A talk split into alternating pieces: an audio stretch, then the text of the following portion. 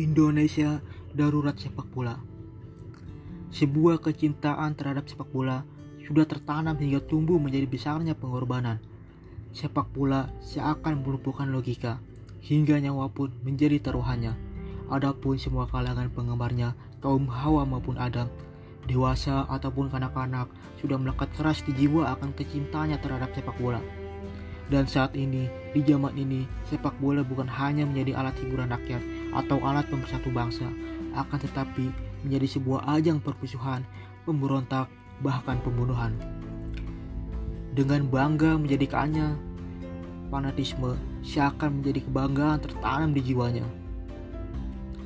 Kehidupan sepak bola di era sekarang ini sangatlah keras, bukan hanya supporternya saja, bahkan para pemain sepak bolanya pun ikut merasakannya.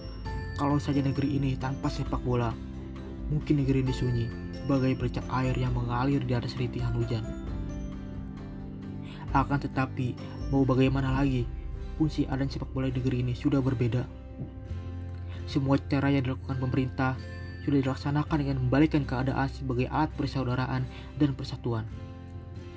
Semua negara melahirkan sepak bola hanya untuk mempersatukan tali persaudaraan, tidak untuk permusuhan tapi lain di negeri kita. Semua menjadi ajang permusuhan, sesama bangsa menjadi pemberontak. Dan mau sampai kapan? Ini menjadi kata yang terus melayang di pikiran. Kalau kita dewasa, kita pun berpikir indahnya tanpa permusuhan, indahnya duduk manis, menyaksikan sepak bola, dan indahnya bermain sepak bola tanpa ancaman. Semua pun berharap seperti itu, bermain dengan aman, menyaksikannya pun sama aman, damai, dan nyaman loyalitas, dan fanatisme. Legenda sepak bola Indonesia atau yang sering kita kenal, Babang Pamungkas, pernah mengatakan hal yang serupa mengenai loyalitas dan fanatisme.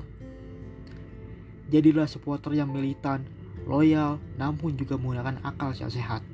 Karena tidak ada satu kemenangan pun yang sebanding dengan nyawa.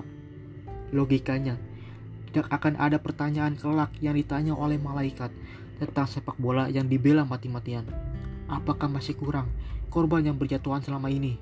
Karena sepak bola, demi ego, demi fanatisme, atau demi apa pun sekali tidak ada artinya.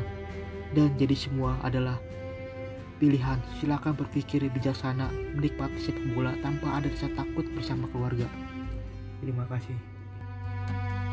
thank you